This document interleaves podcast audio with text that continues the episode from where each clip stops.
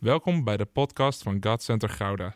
Vanaf deze plek willen we jou inspireren, motiveren en activeren om op een praktische manier je dagelijks leven met God vorm te geven.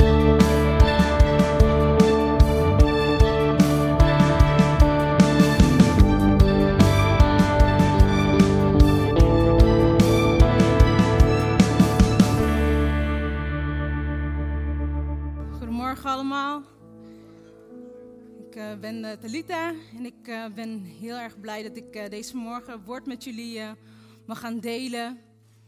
En ik weet niet of we het allemaal beseffen, maar het is gewoon al zondag 3 juli 2022 vandaag. We zijn net een nieuwe maand zijn we begonnen. We zijn net de maand juli is begonnen. En dat betekent gewoon dat we op de tweede helft van 2022 al zitten. Of tenminste, we gaan de tweede helft gaan we in. De eerste helft hebben we gehad, van januari tot en met juni. En we gaan nu de tweede helft van het jaar in. En ik weet niet hoe het met jullie zit, maar ik vind dat het best wel, ja eigenlijk best wel snel gaat. En ik wil ook vragen stellen, gewoon eventjes om te kijken of ik niet de enige ben, van... Uh, waren de mensen die in januari goede voornemens hadden? Ik hoor een beetje gelach. Ja, ik zie de handen. Is het, ik had nog niet de vraag gesteld of die voornemens, of het goed gaat met die voornemens, maar hadden we in ieder geval, wie, had er wel, wie is er begonnen met een aantal goede voornemens? Ik zal niet vragen welke voornemens dat zijn, maar meestal is dat altijd het begin in januari, dat we ja, plannen maken, goede voornemens, om te, stoppen met roken, gezond eten, inschrijven voor de sportschool en uh, twee keer in de week gaan we sporten. En Vaak is zo'n moment als jullie dan ook weer een goed moment, begin van het jaar ook weer zoiets van, oh, even terugkijken, terugblikken hoe dat gaat. En ik weet niet of het met jullie zit, maar bij mij gaat in het begin gaat het meestal goed. De eerste twee weken ben ik uh, fanatiek, denk ik, uh, yes, dit lukt me wel, gaat hartstikke goed.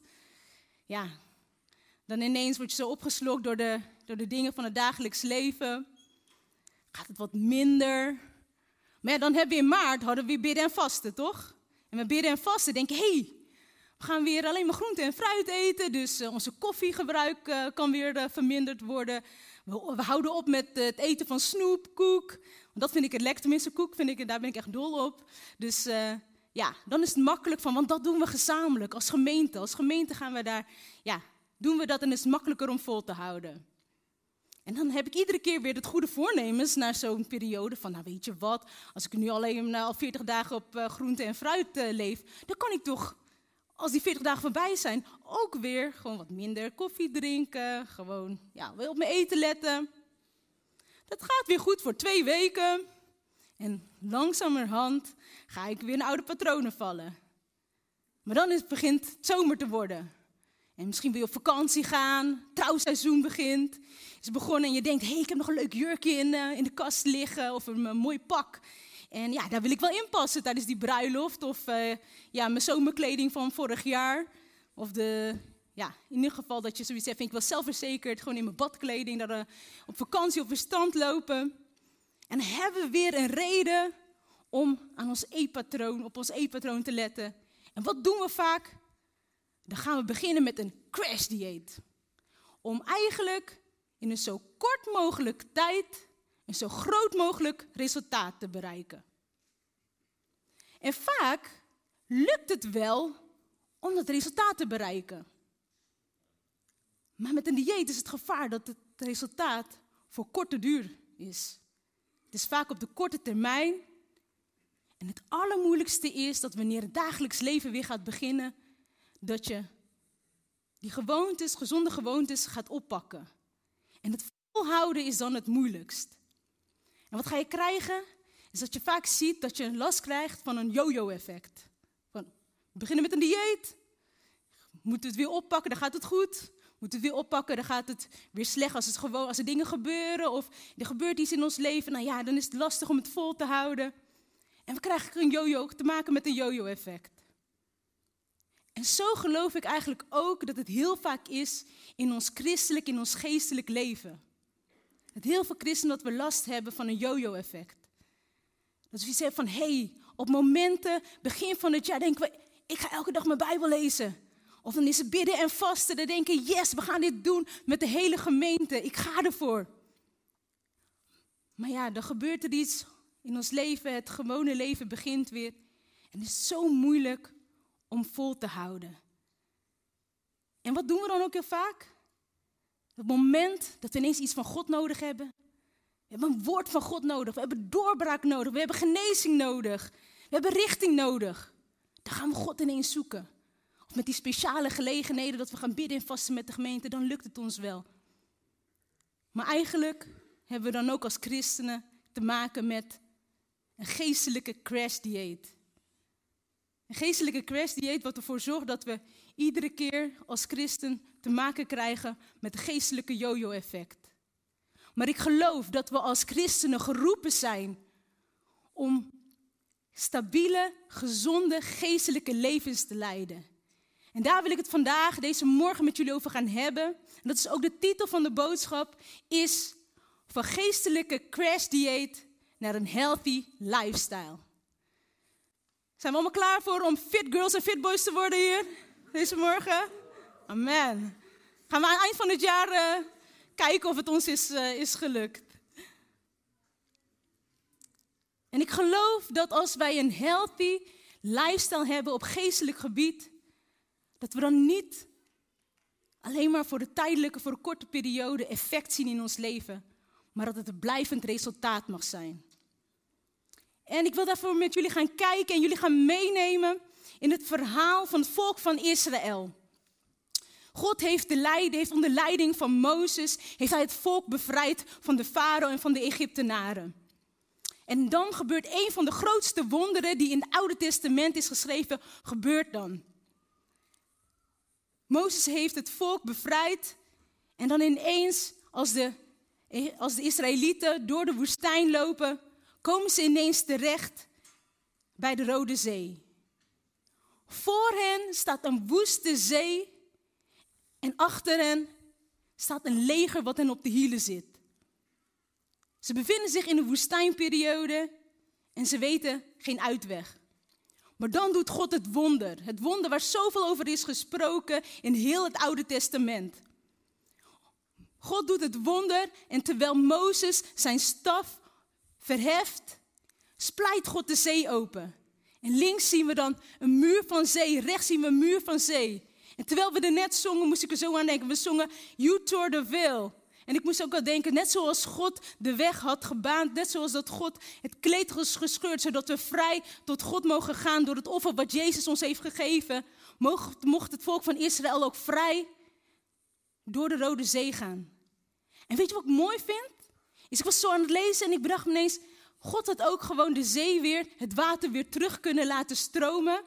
En dat de Israëlieten zaten van, jullie hebben ons niet te bakken gekregen. En dat de Egyptenaren en de farao, dat ze aan de andere kant van de zee waren. En dat ze waren ze ook alsnog bevrijd.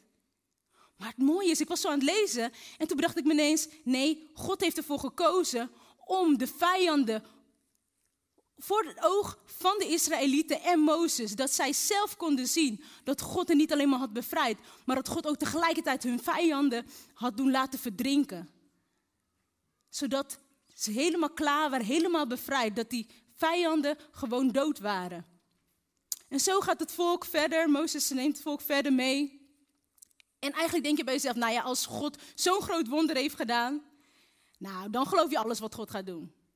Maar het is nog ineens een paar dagen verder en het volk begint te klagen, want het volk heeft een paar dagen heeft, heeft het volk geen drinken gehad en het volk heeft dorst. En dan na een paar dagen klagen komt het volk met uh, Mozes komt aan bij water, maar het water is bitter. En weer doet God een wonder. Mozes moet een stuk hout in het water gooien, waardoor het water weer zoet wordt en het volk kan ervan gaan drinken. Dan wordt het volk verder geleid naar Elim. En dat lijkt me iets stuk, het is maar een paar zinnen, maar ik vond het zo mooi. Als, als het volk daar bij Elim komt, is het een plek met twaalf waterbronnen. Twaalf waterbronnen en zeventig uh, dadelpalmen. En bij twaalf waterbronnen is er gewoon overvloed. Dat is overvloed aan water. Moet ik ook denken aan dadelpalmen. Ik weet niet, het is een tip van Flip deze morgen. Als je gaat uh, bidden en vasten en je krijgt echt trek in snoep bijvoorbeeld, of iets zoets. Neem een dadel. Zeg elke keer als ik zoiets had van, hé, hey, ik neem mijn dadel, zat ik gelijk vol. Het is vezelrijk, het is voedzaam en het is ook lekker zoet. Dus ik geloof ook dat het volk weer, dat God weer had laten zien dat hij voorzag. Voorzag in al hun nood. Maar dan begint het volk weer te klagen. En daar wil ik met jullie gaan lezen vanuit Exodus 16, vers 1 tot en met 12. Uh, eh, laten we gaan staan voor het woord van God. Uit respect voor het woord van God. En dan gaan we lezen uit Exodus 16. Uh, eh, vanaf vers 1. Vanuit Elim trok het hele volk van Israël weer verder. Op de vijftiende dag van de tweede maand na hun vertrek uit Egypte bereikten ze de woestijn van Sin, die tussen Elim en de Sinaï ligt. Daar in de woestijn begon het volk zich opnieuw te beklagen. Had de Heer ons maar laten sterven in Egypte, zeiden ze tegen Mozes en Aaron. Daar waren de vleespotten tenminste gevuld en hadden we volop te eten, uh, brood te eten. U hebt ons alleen maar naar de woestijn gebracht om ons hier allemaal, allemaal van honger te laten omkomen. De Heer zei tegen Mozes: Ik zal voor jullie brood uit de hemel laten regenen. De mensen moeten er dan elke dag op uitgaan om, om net zoveel te verzamelen als ze voor die dag nodig hebben. Daarmee stel ik hen op de proef. Ik wil zien of ze zich aan mijn voorschriften houden. Op de zesde dag moeten ze tweemaal zoveel verzamelen en klaarmaken als op de andere dagen. Hierop zeiden Mozes en Aaron tegen de Israëlieten: Vanavond nog zult u inzien dat de Heer zelf u uit Egypte heeft geleid. En morgen in de ochtend zult u de majesteit van de Heer zien. Hij heeft gehoord hoe u zich beklaagt. Dat is tegen hem gericht, want wie zijn wij dat u zich bij ons zou beklagen? Mozes vervolgde: Vanavond zal de Heer u vlees te eten geven. En morgenochtend zult u volop brood hebben, want de Heer heeft uw geklaag gehoord. Dat is immers tegen hem gericht en niet tegen ons, want wie zijn wij? Mozes zei tegen Aaron: Zeg tegen de hele gemeenschap van Israël: Wend u tot de Heer, want hij heeft uw geklaag gehoord. Zodra Aaron dit aan het volk had opgedragen en allen zich met het gezicht naar de woestijn hadden opgesteld, verscheen in een wolk de majesteit van de Heer.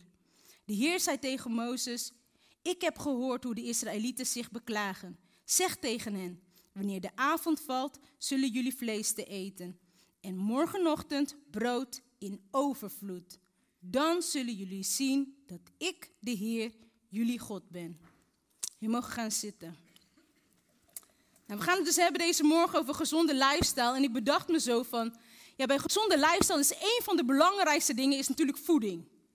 En ik dacht bij mezelf, stel je voor, ik zou vanuit de overheid zou ik een soort van campagne moeten voeren om ja, eigenlijk uh, het volk van Nederland tenminste, om iedereen gezond te laten eten. Dus dan een van mijn slogans zou dan in ieder geval zijn van, weet wat je eet. En vul jij je of voed jij je? En dan zou ik ook de vraag stellen, waarmee voed jij je dan? En wat is jouw voedingsbron?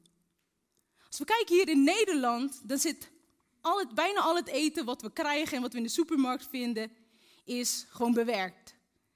De schappen zitten vol met bewerkt voedsel. En vaak is ook het verse voedsel is vaak ook duurder. Het is niet zo lang houdbaar. En ik kwam er laatst achter dat ik dacht bij mezelf, ik ga lekker gezond eten, groente en fruit en al die dingen. Maar ja, de groente en fruit in de Albert Heijn is ook hartstikke bewerkt, waardoor het langer houdbaar is. En eigenlijk in alles wat we eten is bewerkt en zit zo vol met suikers. Het is vol met E-nummers. Dus voor ons hier in Nederland is het best wel lastig om ons te kunnen identificeren met wat is dan vers voedsel, wat is verse manna. Terwijl het mooi is als we kijken naar het Bijbelverhaal, zien we dat God het volk van Israël elke dag verse manna te eten geeft. En manna staat in het Oude Testament, staat het eigenlijk als symbool voor Jezus. En ik vond het zo mooi dat ik wilde dit woord al delen, maar ik wist niet dat we ook het avondmaal zouden vieren. En ik vond het ook heel mooi dat eigenlijk net ook vanochtend André er ook zo op zo doorging over het brood dat Jezus, zeg maar, zelf het brood is dat gebroken is. En dan zien we dat Jezus in Johannes 6, vers 31 zichzelf het brood des levens noemt. In Johannes 6, vers 31, je kan het opzoeken, maar je hoeft niet te gaan staan, ik zal het oplezen. Vers 31 staat er, onze vaderen, dus de voorouders, dus het volk van Israël, hebben het mannen gegeten in de woestijn. Zoals geschreven is, Hij gaf hun het brood uit de hemel te eten. Jezus dan zei tegen hen: Voorwaar, voorwaar, ik zeg u, niet Mozes heeft u het brood uit de hemel gegeven, maar mijn vader geeft u het tarwebrood uit de hemel. Want het brood van God is Hij die uit de hemel neerdaalt en aan de wereld het leven geeft. Ze zeiden dan tegen hen, Heere, geef ons altijd dat brood. En Jezus zei tegen hen, Ik ben het brood des levens. Wie tot mij komt, zal beslist geen honger hebben. En wie in mij gelooft, zal nooit meer dorst hebben. Dat betekent ten eerste dat er niets in de wereld is wat onze leegte kan vervullen. We kunnen zoveel moeite doen om onze leegte te vervullen met goedkeuringen van anderen, met prestaties, met liefde en aandacht van anderen. Maar uiteindelijk kunnen we niks anders dan Jezus alleen. Die, die honger die wij hebben, die een mens waarvan ik geloof dat elke mens het van nature heeft, die honger en die leegte, dat het alleen maar te vervullen is met Jezus zelf. En op het moment dat we Jezus aannemen als onze persoonlijke verlosser en redder, dan geloof ik dat niet alleen maar die leegte vervuld is, maar dat we ook door Hem het eeuwig leven mogen hebben. Want Jezus zegt van zichzelf, niemand komt tot de Vader dan tot mij. Maar daarvoor moeten we wel gaan nemen en gaan eten van het brood des levens. En ik geloof dat dat een keuze is die we één keer in ons leven, dat we die mogen maken. Dat we mogen weten, Jezus is uiteindelijk mijn voedingsbron. Jezus is uiteindelijk, de bron waaruit ik put. En ik weet dat niks anders mij kan redden dan Hij alleen. En toch geloof ik dat het belangrijk is om elke dag opnieuw weer te tappen vanuit die voedingsbron. En het heeft niet mee te maken dat we elke dag opnieuw onze redding moeten verdienen, want dat heeft Jezus al gedaan aan het kruis. Maar ik geloof dat we elke dag opnieuw, net zoals het volk van Israël, elke dag verse mannen moest gaan eten en moest gaan rapen, opnieuw die moeite ervoor moest gaan doen, mogen wij ook daarin elke dag weer ervoor kiezen om te tappen uit de bron Jezus. En ik denk dat iedereen het met mij eens is als ik zeg van voeding, met voedingssupplementen is op zich niks mis mee. Ik moet zelf ook een bepaalde uh, supplementen moet ik gaan nemen als extra op mijn gewone voeding. Um, voor mijn gezondheid. Maar ik geloof dat iedereen het ermee eens is als ik zeg, als je alleen maar voedingssupplementen eet, ja, dat vervangt natuurlijk geen uh, normale maaltijd. Maar het is goed om, als we gewoon ons voedsel tot ons nemen, is er niks mis mee met voedingssupplementen. Maar God liet me zien dat heel veel christenen, dat we eigenlijk alleen maar afhankelijk zijn, of voornamelijk afhankelijk zijn van voedingssupplementen, geestelijke voedingssupplementen. Net zoals voedingssupplementen geen maaltijden kunnen vervangen, zo kan het beluisteren van christelijke liederen, het bekijken van preken op YouTube, maar ook de christelijke opvoeding van je ouders, kan niet vervangen het, door God gegeven woord en het persoonlijk, persoonlijk gesproken woord dat Jezus elke morgen, elke dag weer aan jou wilt zeggen. En ik geloof dat we dat weer mogen gaan, tot ons mogen gaan nemen. Ik weet dat ik vroeger toen ik net tot bekering, tenminste, toen ik net tot bekering kwam, ik was twintig toen ik tot bekering kwam. Ik was christelijk opgevoed, maar ik was twintig toen ik Jezus echt aannam als mijn persoonlijke verlosser en redder. En eerst was Jezus maar, ja, gewoon een bijbelsfiguur. Degene die, een soort van een held die zich had opgeofferd voor de mensheid. Maar toen leerde ik hem kennen als mijn beste vriend, als mijn persoonlijke verlosser en redder. En ik weet nog dat ik best wel jaloers was toen ik in de kerk kwam. Was ik jaloers op al die christelijke gezinnen. Op al die kinderen van mij, of die jongeren van mijn leeftijd. Die waren opgegroeid met ouders. Die, ja, die eigenlijk al van jongs af aan al hun de principes hadden meegegeven. Christelijke principes. En ik dacht, ja, had ik dat ook maar. Had ik misschien, had het mij behoed voor allerlei fouten en verkeerde keuzes die ik had gemaakt. Maar in de loop der jaren verbaasde het mij als ik om me heen keek en ik zag die jongeren, dat heel veel jongeren ook zoiets hadden van, ja, dat heb ik ooit eens van mijn ouders geleerd. Maar hoe ouder ze worden, dat ze ineens eigen keuzes maken. En ik begreep dat niet, want ik dacht, ja, als ik die opvoeding had gehad, dan had ik misschien niet die keuzes gemaakt. Maar toen kreeg ik van God die openbaring, toen kreeg ik een inzicht dat, dat eigenlijk is die manna niet meer vers. Datgene wat je meekrijgt vanuit je opvoeding, of waar je mee opgegroeid wordt, is niet meer vers. Ergens is het bewerkt. Soms kan die bewerking al zijn dat een stukje oordeel dat je proeft vanuit de kerk, dat je ooit hebt gehoord. Je proeft een stukje bewerkte oordeel. Of misschien een bewerkte oordeel van je ouders daarin. Waardoor je zoiets zegt van, hé, hey, weet je wat? Al die principes en die regels van, van God in de Bijbel. Nee, dat is niet voor mij bestemd.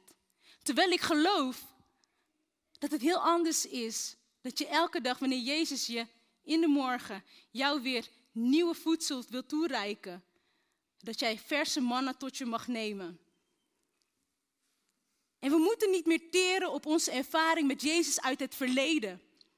We moeten ons leren uitstrekken naar een nieuwe openbaring van Jezus in het heden. Zodat we niet meer hoeven te teren op succesverhalen van anderen. Maar dat we zelf een persoonlijke nieuwe openbaring van Jezus mogen ontvangen. En ik geloof dat het allereerste wat belangrijk is, is ons voedingsbron. Wat we tot ons nemen. En we mogen ons dagelijks voeden met verse mannen, met het brood des levens. En dat is Jezus zelf. Oké, en ik denk dat dat niet zo moeilijk is. Als we denken aan een healthy lifestyle, denken we ja, logisch. Ik ga het niet hebben over sporten, daar ben ik zelf ook niet aan begonnen, dus daar ga ik het vandaag ook niet over hebben. maar we gaan het hebben over voeding. Dus toen dacht ik bij mezelf, maar waarom is het dan zo belangrijk om het vol te houden? Hoe houden we zo'n lifestyle, uh, lifestyle vol? En ik geloof dat het te maken heeft met het veranderen van een mindset. En vandaag wil ik naar drie, ja, eigenlijk switches gaan kijken van mindset, waardoor we een gezonde lifestyle kunnen volhouden. En de eerste mindsetverandering is van slaaf naar vrijgekocht. We hebben gelezen dat God de Israëlieten heeft bevrijd uit Egypte. Hij heeft de Rode Zee voor hun ogen opengespleten. Hij heeft het bittere water heeft hij zoet gemaakt, zodat ze ervan konden drinken. En dan nog beginnen ze te klagen. En vaak kunnen we misschien denken van, hallo, als ik bij het volk van Israël hoorde en God had net twee maanden van tevoren de zee opengespleten, dan eh, had ik God echt wel geloofd als God zou zeggen dat hij zou voorzien. Maar ik ging erover nadenken en denk, hoe kon dat dan? Hoe kan het dat de Israëlieten niet geloofden dat de God die de Rode Zee kon splijten, dat hij ook mannen uit de hemel kon laten regenen? Kijk, dat geloofden ze wel.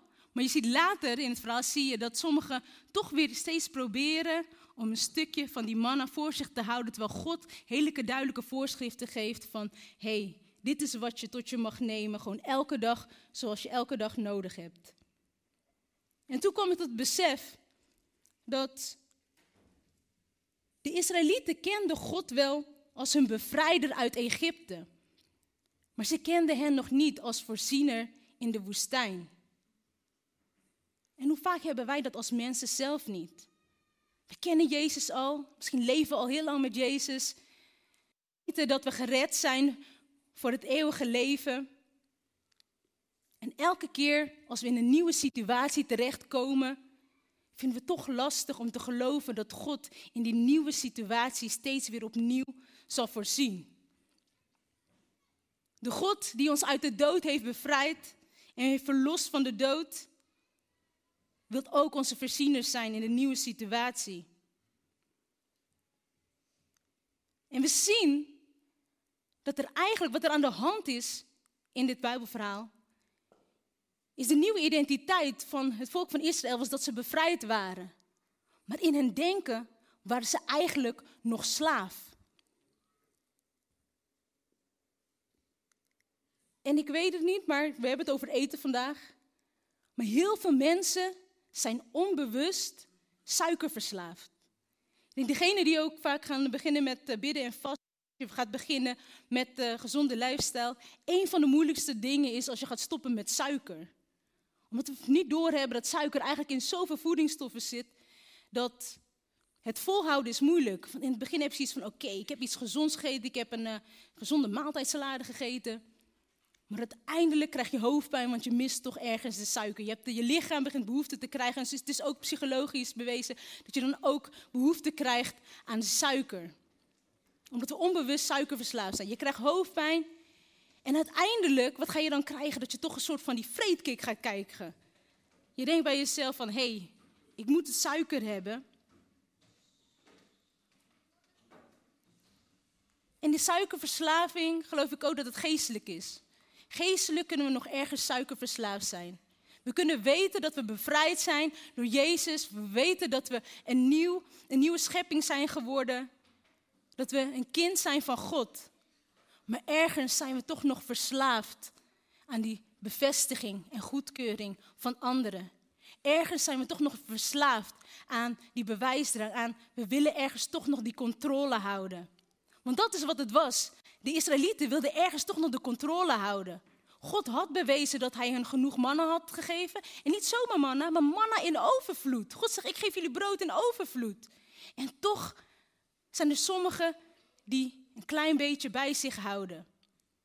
En niet zozeer omdat ze God niet vertrouwden, maar omdat ze God nog niet kenden als een voorziener in elke nieuwe situatie. En misschien heb jij in het verleden heb jij wel ergens een tekort gekend. Misschien een tekort aan aandacht. Een tekort aan liefde. Misschien letterlijk een tekort aan financiën. En heb je echt armoede gekend. En je weet van, hé, hey, God heeft mijn leven veranderd nu ik bevrijd ben. Maar dan vind je het soms toch zo moeilijk om echt God te vertrouwen dat Hij in, deze nieuw, in het nieuwe leven, in de nieuwe situaties, dat Hij zal voorzien. En weet je wat we dan gaan doen? Dan kunnen we oude patronen kunnen we gaan idealiseren.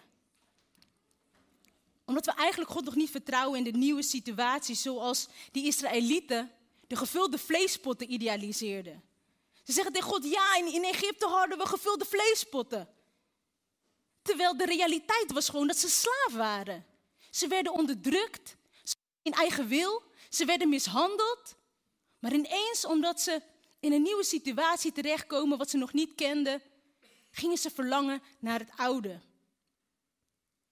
En zo kan het ook zijn dat we soms krampachtig vasthouden aan oude patronen. Maar ik geloof dat als we, dat we de overvloed van de manna in het hier en nu kunnen missen, omdat we denken dat de gevulde vleespotten uit het verleden ons kunnen vervullen. En ik geloof dat het eerste is wat Jezus vandaag tegen je wil zeggen, is hij wil dat je hem niet alleen maar kent als jouw bevrijder, maar dat je hem ook gaat leren kennen als voorziener in een nieuwe situatie. En het volgende punt wat ik wil gaan bespreken is een, waar we in onze mindset mogen gaan veranderen, is dat onze mindset mogen gaan veranderen van denken in beperkingen naar denken in bescherming. Gods bescherming. We zien dat het volk van Israël hele duidelijke voorschriften van, uh, van God krijgt. In vers 16 staat er dat de Heer heeft bepaald dat ieder ervan kan verzamelen wat hij nodig heeft. Dus je mag niet meer nemen, maar gewoon wat je nodig hebt. En in vers 19 staat dan dat, het volk, uh, dat Mozes het volk verbood om ook maar iets tot de volgende dag te bewaren. En dan zien we, sommigen luisterden niet naar hem en bewaarden toch iets. De volgende morgen zat het vol met wormen. En zo geeft Mozes nog een aantal andere voorschriften dat het volk op de zesde dag wel het dubbele hoeveelheid tot zich mag nemen per persoon. Om eigenlijk te bewaren um, voor de Sabbat. Want met de Sabbatsrust zal God geen mannen uit de, uit de hemel laten regenen, maar dan hebben ze genoeg voor twee dagen. En dan staat er in vers 23, de Heer heeft dit zo bepaald. En ik weet niet of het met jullie is, maar een van de moeilijkste dingen bij het veranderen van een eetpatroon vind ik, wat mag je wel eten en wat mag je niet eten? Ik zal een voorbeeld geven. Ik uh, zit sinds kort dus bij een, uh, bij een fysiotherapeut. En die fysiotherapeut is ook een soort van voedingscoach. En zij heeft ook echt aangegeven dat voor mijn gezondheid, omdat ik um, chronische, en, uh, hoe zeg dat, een chronische aandoening heb, dat heet endometriose. Ik zal het kort uitleggen. maar het betekent in ieder geval dat ik ook last heb van verklevingen in mijn buik. En daarvoor heb ik fysiotherapie. Maar die vrouw zei, Fysiotherapie alleen is niet goed. Als je hier komt voor een behandeling, dan gaan we heel je lifestyle aanpakken, je levensstijl. Dus je moet ook je hele eetpatroon moet je veranderen. En ik had het al jaren geleden, wist ik het wel. Ik had al gegoogeld en dan staat er op endometriose dieet. Dacht bij mezelf, ja, daar heb ik helemaal geen zin in, in een dieet. ik zeg, wat je wel, wat je niet mag. Maar de eerste keer zei ze al, je mag geen tarwe, je mag geen suikers, um, je mag geen knoflook en ui, En in onze keuken, in de Molukse keuken, dat doe je alles met knoflook eruit. Dus die vind ik lastig. Geen melkproducten. Dus ik mocht heel veel dingen mag ik niet meer eten. En dat vond ik lastig, want toen dacht ik, ja, ik dacht, zij gaat mij gewoon masseren en eh, dan ben ik er vanaf van het probleem. Maar ik moest dus ook wat doen. Ik moest aan mijn, ja, mijn lifestyle gaan veranderen. En ze noemde, zij noemde het ook geen dieet. En terwijl ik dan aan het masseren ben, had ik hele leuke gesprekken met haar. En ze zei ook van, ja, maar er zijn ook veel dingen wat je wel mag eten. Je moet in ieder geval ehm, eh, voor je eiwitten, moet je, voor je energie. Je kan gewoon avocado eten, je kan eieren eten. En ik ging op Pinterest ging ik allemaal eh, recepten zoeken. En ik dacht, oh, nou, eigenlijk mag ik best wel veel eten, wat ik hartstikke lekker vind. Maar dat is de mindset die we moeten veranderen. Omdat vaak zijn we alleen maar geneigd om te kijken naar wat we niet mogen, dan dat we kijken naar wat mogen we wel. Als we denken van, hé, hey, ik mag geen koek, maar terwijl als je iets eet wat hartstikke gezond voor je is, een dadel bijvoorbeeld, ik bedoel, dat is hartstikke voedzaam. Het, het vult je, het is voedzaam, het is goed voor je lichaam en je wordt er gezond, het is hartstikke gezond. En eigenlijk is het ook zo in het geestelijk leven dat we geneigd zijn om te kijken naar de beperkingen. Als we kijken van, hé, hey, God geeft net zoals het God hier heel veel voorschriften geeft aan het volk van Israël. En we denken van, ja, ik moet aan allerlei regeltjes moet ik voldoen. Dan gaan we denken in beperkingen. In het geestelijk leven zijn we dus ook geneigd om de beperkingen te zien als het gaat om het volgen van Gods principes. Terwijl Gods principes niet bedoeld zijn om ons te beperken, maar juist om ons uit liefde te beschermen.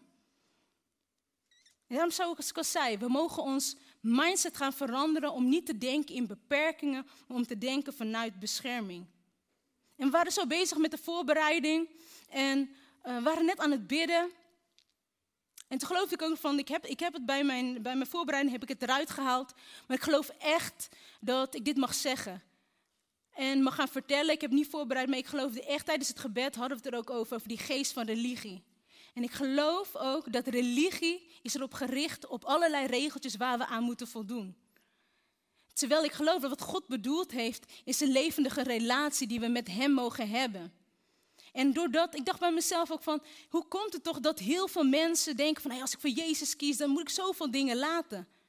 Omdat die geest van religie, die zegt, die mindset die zegt dat God jou regels geeft om jou te beperken.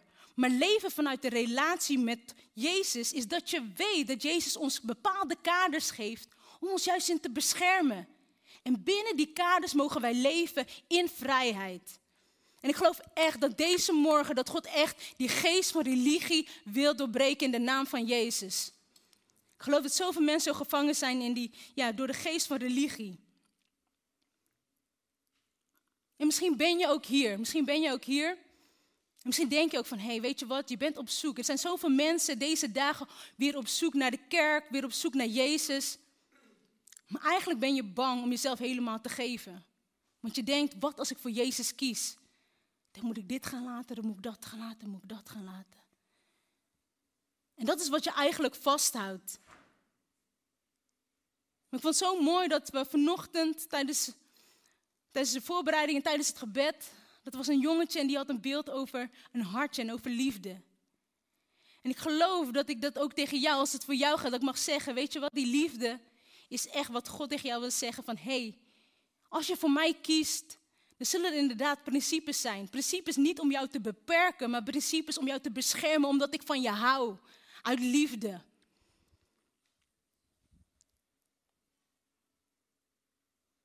En het volgende wat ik geloof qua mindset wat we mogen veranderen, is dat we genoegen nemen met een tijdelijk effect. En dat we ons mogen gaan uitstrekken om niet genoegen te nemen met tijdelijk effect, maar dat we ons gaan uitstrekken naar blijvend resultaat. En daarvoor is het nodig om een dagelijkse keuze te maken, om elke dag weer te kiezen voor Jezus. Niet zoals ik zei, om, om goed genoeg te zijn, om, om onze redding te verdienen, maar elke dag voor Hem te kiezen, omdat we beseffen dat we niet zonder Hem kunnen. We hebben gelezen dat het volk van Israël niks mocht bewaren. Ze moesten elke ochtend dus opnieuw de mannen verzamelen. En in vers 21 staat er, Zodra de zon begon te branden, smolt het weg. Het was dus niet zo dat als de Israëlieten in deze tijd hadden geleefd, dat ze dachten van, nou weet je wat, ik ga even uitslapen tot uh, 12 uur. En dat ze die, dag, die nacht daarvoor dachten van, nou, het is 12 uur s'nachts, ik moet eigenlijk gaan slapen, maar ik ga toch nog even die Netflix-serie, nog even, nog twee afleveringen eventjes bingen. En je dan verslapen. Want als dat in deze tijd was gebeurd, je had je verslapen, dan zou het gewoon betekenen dat ze die dag honger hadden. En God gaf me zo dat inzicht dat er zoveel christenen zijn die geestelijk verhongerd zijn.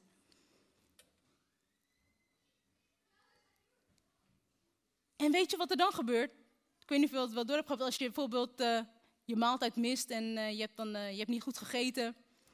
Dan ga je last krijgen van die sugar rush. Ook net zoals dat je ook gewoon niet boodschappen moet gaan doen als je honger hebt, weet je wel, na werktijd. En je hebt hartstikke trek. Want dan ga je allemaal dingen pakken die niet goed voor je zijn. En eigenlijk die je niet nodig hebt, maar omdat je zo'n zo'n honger hebt. En ik geloof dat als we last krijgen van een sugar rush, zo'n trek in, in die suiker, dan krijg je een vreedkick. En in het natuurlijke weten we dat het ontbijt een van de, de belangrijkste maaltijden is van de dag. Als je maar goed ontbijt, weet je wel, daar kan je veel langer op teren. En dat is niet alleen met natuurlijke zo, maar ook in het geestelijke. Broer, wie is het met me eens als ik zeg, dagelijks ontbijten met Jezus is beter dan wekelijks een salade met Jezus? Ja, toch? En soms zien we de, de dienst, de zondagsdienst en de preek zien we als van, nou weet je wat, ik ga in ieder geval uh, op zondag lekker een salade eten. Maar dan weten we gewoon, als we de rest van de week gewoon allerlei andere ongezonde troep tot ons nemen, ja, dat we dan geen gezonde leefstijl volhouden. Terwijl heel veel doen we dat wel in ons geestelijk leven. Dat we het zo gaan teren op datgene wat we op zondag voorgeschoteld krijgen. Nou, we zien dat God allerlei voorschriften geeft. En dat betekent dat om een leefstijl vol te houden, betekent het dat we discipline, regelmaat en structuur nodig hebben. Een dagelijkse keuze die we mogen maken. En het gevaar van het christendom, en vooral zeker van de wat meer charismatische christendom, ja, van licht die stromen, kan het gevaar zijn dat we bij onszelf denken van, hé, hey, nou weet je wat, ik, uh, ik teer op de kennis die we jaren geleden hebben gedaan. Maar ik denk dat iedereen het met mij eens is, dat als ik naar de fysiotherapeut ga of je gaat naar een voedingscoach, die geeft jou een trainingsschema, één keer in de week, en die geeft jou een voedingsschema, dat je dan daar gaat zitten, elke week denk je, nou, ik, in ieder geval ben ik naar de coach geweest en naar de therapeut. Die heeft me allerlei oefeningen en ja, voedingsschema meegegeven. Maar je doet de rest van de week niks aan. Ja, dan zie je uiteindelijk op lange termijn zie je ook geen resultaat. En zo mogen we ook de zondagsdienst ook gaan zien. Het is niet zozeer op dat pastor Jeroen dat we afhankelijk moeten zijn wat hij predikt op de zondagmorgen en dat we daarop teren. Nee, we krijgen tools mee, een soort van voedingsschema. We krijgen allerlei oefeningen mee die we wel door de week elke dag weer mogen gaan, in praktijk mogen gaan brengen. En ik geloof dat als we de dag beginnen met Jezus, dat we geen behoefte meer hebben om te vreten. De behoefte om ons te vullen met ongezonde dingen verdwijnt. Zoals de behoefte aan bevestiging van anderen. Dus om van een tijdelijk effect naar een blijvend resultaat te gaan, vergt dat we een dagelijkse keuze maken om ons te voeden met het brood des levens zelf. En dat is Jezus. En op een gegeven moment had ik zoiets van, hoe komt het dat we toch niet lang volhouden? We hebben nu tools gekregen hoe we het kunnen volhouden. Maar toch had ik zoiets van, ik was zo mee bezig met dit onderwerp en ik heb het niet vanuit het per se dat we het kunnen terugzien vanuit het woord. Maar ik was zo met God erover aan het praten en aan het vragen van, hoe komt het dat het toch lastig is om dit vol te houden en vooral het dagelijks zoeken en de tijd nemen met Jezus. Het grappige was is dat we toevallig een paar weken geleden hadden Dave en een gesprek met uh, Jeroen. We hadden het over gezond eten. En ja, we hadden zoiets van, nou, we, willen, willen wat afvallen. En toen zei Jeroen, als afvallen jouw motivatie is, dan zal je het niet lang volhouden. Of als je zoiets zegt van, ja, ik wil slanker worden, of uh, in ieder geval uh, aan een bepaald ideaalbeeld voldoen. Misschien dat je wel tijdelijk uh, um, resultaat behaalt, maar je zal het niet lang volhouden. Hij zei, de motivatie zou moeten zijn, is dat je gezond wil leven. Dat je kwaliteit van leven vooruit gaat. En ik geloof dat dat geestelijk gezien ook zo is. Ik, ik vertelde net over uh, endometriose, over dat ik ook daarmee bezig ben. En in eerste instantie zit ik bij de fysiotherapeut ehm, voor onze kinderwens. Maar uiteindelijk had ik ook zoiets van, ik denk dat ik het wel volhoud. Uh, ja, om zwanger te worden is een goede motivatie. Maar toen vond ik het mooi. Die therapeut zei tegen mij, maar je moet het niet alleen maar daarom doen. Als jij je leefstijl gaat veranderen en je kan daardoor klachtenvrij gaan leven, dacht bij mezelf, hoe mooi is het. De God die alles al in zijn schepping heeft gelegd en die wil dat ik vers voedsel ga eten. Ik ga ervoor. En toen besefte ik me van, ik ga het voor mezelf doen. Allereerst ga ik het voor mezelf doen. Waarom? Omdat ik het waard ben. En ik geloof dat eigenlijk de diepste motivatie te maken heeft met de derde pijler van ons als gemeente. Met love yourself. Ik ging aan God vragen, heeft het te maken dat mensen niet genoeg van u houden? Dacht ik, nee, het heeft niet zozeer te maken dat we niet genoeg van God houden. Maar soms zit het nog dat het te maken heeft met dat we niet genoeg van onszelf houden. En weet je wat? De wereld, in de maatschappij wordt nog gezegd, weet je wel, zelfliefde, selfcare, dat je af en toe iets leuks voor jezelf moet doen. Af en toe een wellness om lekker op te laden. Ja, dat is ook niet verkeerd. Maar waarom zouden we ons af en toe opladen als we elke dag kunnen putten uit de voedingsbron Jezus? Waarom? Omdat we het waard zijn. Gun jezelf de tijd. Gun jezelf de tijd om de dag te beginnen met God. Nog voordat jij de rol vervult, als je opstaat, nog voordat jij de rol vervult van vader of moeder, van echtgenoot, van de functie of de rol die je hebt in de kerk of op je werk. Nog voordat jij die rol begint, mag jij beginnen, de dag beginnen als kind van God. Om je te vullen met zijn liefde en jou te voeden met zijn liefdevolle woorden. Waarom? Omdat jij het waard bent. En ik geloof dat dat een van de diepste vormen is van van jezelf houden. Wil je het met mij nazeggen? Ik ben het waard om mijn dag te beginnen met Jezus. Laten we het zeggen. Ik ben het waard om mijn dag te beginnen met Jezus. En tot slot dacht bij mezelf, van, wat is dan het resultaat? Oké, wat als we dit doen, wat is dan uiteindelijk het de resultaat van een healthy lifestyle? In vers 32 zegt Mozes, de Heer heeft het volgende bevolen. Er moet één volle omer, dat is een hoeveelheid, bewaard blijven voor de volgende generaties die na jullie komen. Want zij moeten het brood kunnen zien dat ik jullie in de woestijn te eten heb gegeven toen ik jullie uit Egypte leidde. En weet je wat? Toen gaf God mij een openbaring. Ik vroeg de laatste tijd af, hoe komt het, Heer, dat in een christelijk land als Nederland, gewoon dat zoveel mensen christelijk zijn opgevoed, maar op een gegeven moment willen ze al die christelijke feestdagen willen ze afschaffen. Ze willen allerlei nieuwe feestdagen willen ze instellen. Ik dacht, hoe kan het dan? Want heel veel mensen zijn wel, hebben christelijke opa's en oma's, of die, die zijn in de kerk opgevoed. Maar hoe komt dat? En toen liet God mij zien deze openbaring. In heel veel gezinnen en kerken is Jezus eruit verwijderd. Jezus is er niet meer in te zien. En hier geeft God de opdracht aan de Israëlieten. De volgende generaties moeten het brood kunnen zien. En ik geloof ook dat in onze generatie, in onze levens, als wij verandering willen zien, in de levens van onze kinderen, in de levens van onze familie, van onze vrienden, dan moeten zij niet zozeer alleen allerlei regels van ons horen. Ze moeten Jezus door ons heen zien, in onze levens, door ons heen. En ik denk dat we het allemaal heel kunnen begrijpen. Stel we hebben een personal trainer. En die personal trainer, die heeft overgewicht, maar die weet allerlei trainingsschema's te benoemen. Hij weet welke oefeningen jij moet doen. Hij weet alles van voedingsleer en hij weet wat jij moet eten. Maar hij doet het zelf niet. Zouden we dan ook bij die persoon dan denken van, nou ja, ik kies die persoon als trainer? Want ik geloof in wat hij zegt. Terwijl hij misschien wel de waarheid kan zeggen, maar als het zelf niet naleeft en het is niet te zien door zijn leven heen. Zo geloof ik ook dat wanneer wij Jezus, mensen Jezus door ons heen laten zien, dat we dan echt verandering kunnen zien in onze generatie, in de generatie die na ons komt en in onze families en bij onze vrienden. En ik wil je de vraag stellen deze morgen. Vul jij je met ideaalbeelden die jij ziet op Instagram? En vul jij je met de leugen dat je niet voldoet aan de idealen van deze wereld? Of voed jij je met het woord van God, met zijn waarheid, wat zegt dat jij ontzagwekkend mooi bent gemaakt, wonderlijk bent gemaakt?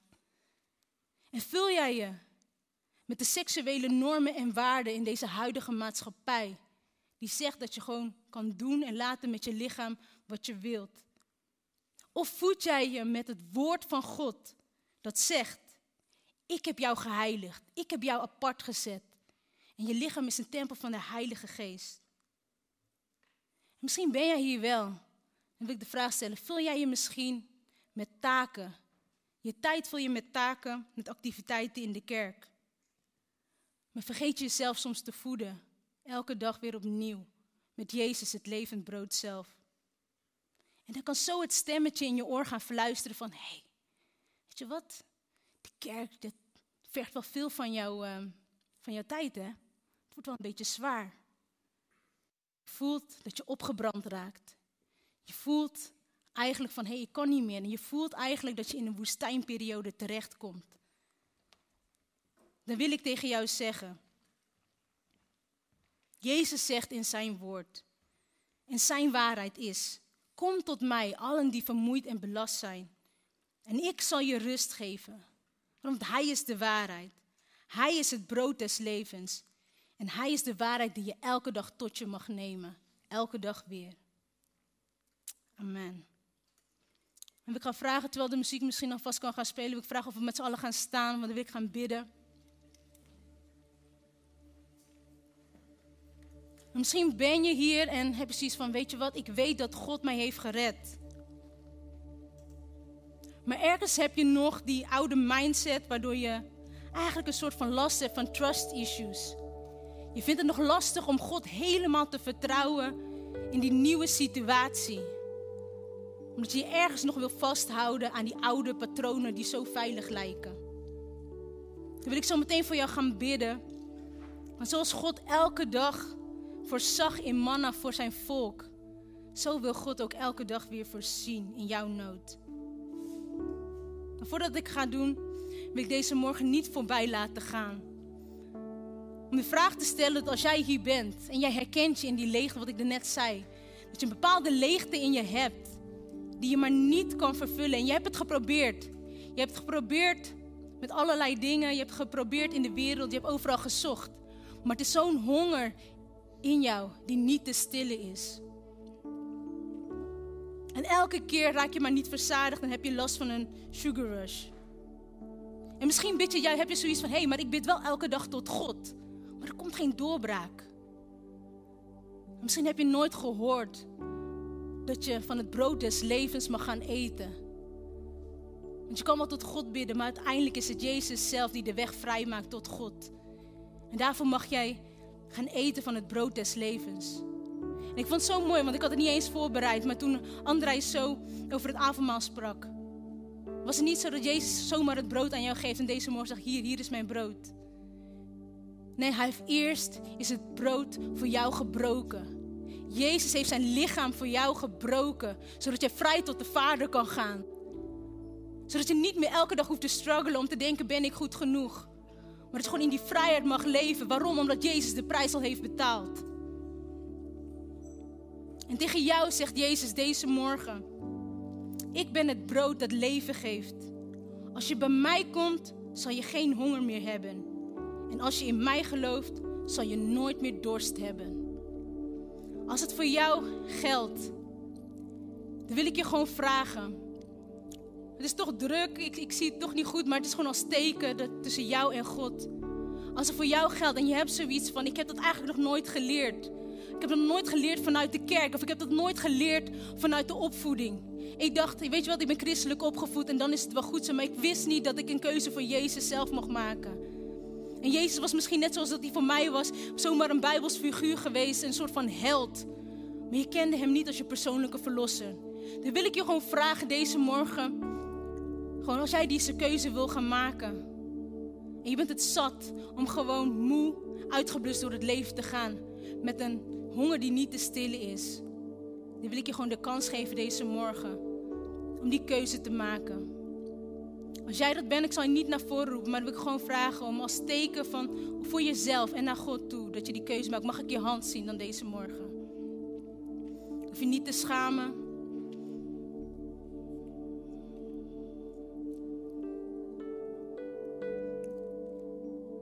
Misschien vind je het heel spannend. Geeft ook helemaal niet. Uiteindelijk gaat het erom dat God je hart ziet. Dan wil ik gewoon gaan vragen dat we allereerst voor deze mensen gaan bidden. En als het voor jou geldt, wil ik gewoon vragen of je hand op je hart wil gaan leggen. Mag je je hand op je hart leggen en dan willen we gewoon samen gaan bidden voor jou. En we vragen of de hele gemeente met ons mee, mee wil bidden. Lieve Heer Jezus, dank u wel dat u voor mij bent gestorven. Dank u wel dat u uw lichaam voor mij heeft gebroken. En dank u wel dat ik mag weten dat mijn, ja, dat mijn honger gestild mag worden door u. Ik kies ervoor vandaag om van het brood des levens te eten. Ik kies vandaag voor u. Ik geef mijn hart. Ik geef mijn gebroken hart. En dank u wel dat u voor mij de weg heeft gebaand tot de Vader. Ik neem uw offer aan. En ik dank u wel dat ik een kind van God mag zijn. Door het offer van Jezus. En vanaf vandaag mag ik een kind van God zijn. En wil ik leven voor u. In Jezus' naam. Amen. En als je hier bent en je, herkent je in wat ik zei over, ja, God heeft je gered, maar je hebt nog steeds die oude mindset. Je merkt dat je nog eigenlijk nog in allerlei regels of in eigenlijk in oude patronen nog vastzit. Dan wil ik gewoon voor jou bidden en laat onze ogen sluiten.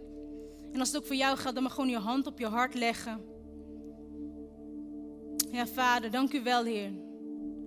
Dank u wel, Heer, voor uw woord, Heer. Dank u wel, Heer, voor wat u deze morgen tot ons heeft gezegd, Heer.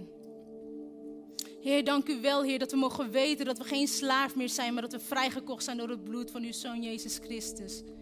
En dank u wel, Heer, dat u de weg voor ons heeft gebaan en dat we niet meer hoeven te leven als slaven. En Heer, misschien zijn er sommige mensen die eigenlijk helemaal niet bewust van waren, of misschien juist wel wisten van, hé, hey, ik zit in een woestijnperiode, ik kom er niet, ja, eigenlijk niet verder en ik weet niet hoe dat komt. Maar dat we onbewust nog vastzitten aan oude patronen. En misschien patronen die ons aangeleerd zijn. Dan wil ik op dit moment wil ik gewoon die patronen en alles wat misschien van generatie op generatie is overgedragen, wil ik verbreken in de naam van Jezus op dit moment. En de geest van religie die allerlei beperkingen oplegt, wil ik verbreken in de naam van Jezus zodat een generatie mag opstaan die vrij is. Een generatie die vrij is en Jezus mag laten zien door een leven heen. Voor de volgende generaties, voor onze kinderen, maar ook voor onze familie en vrienden. In Jezus' naam. Amen.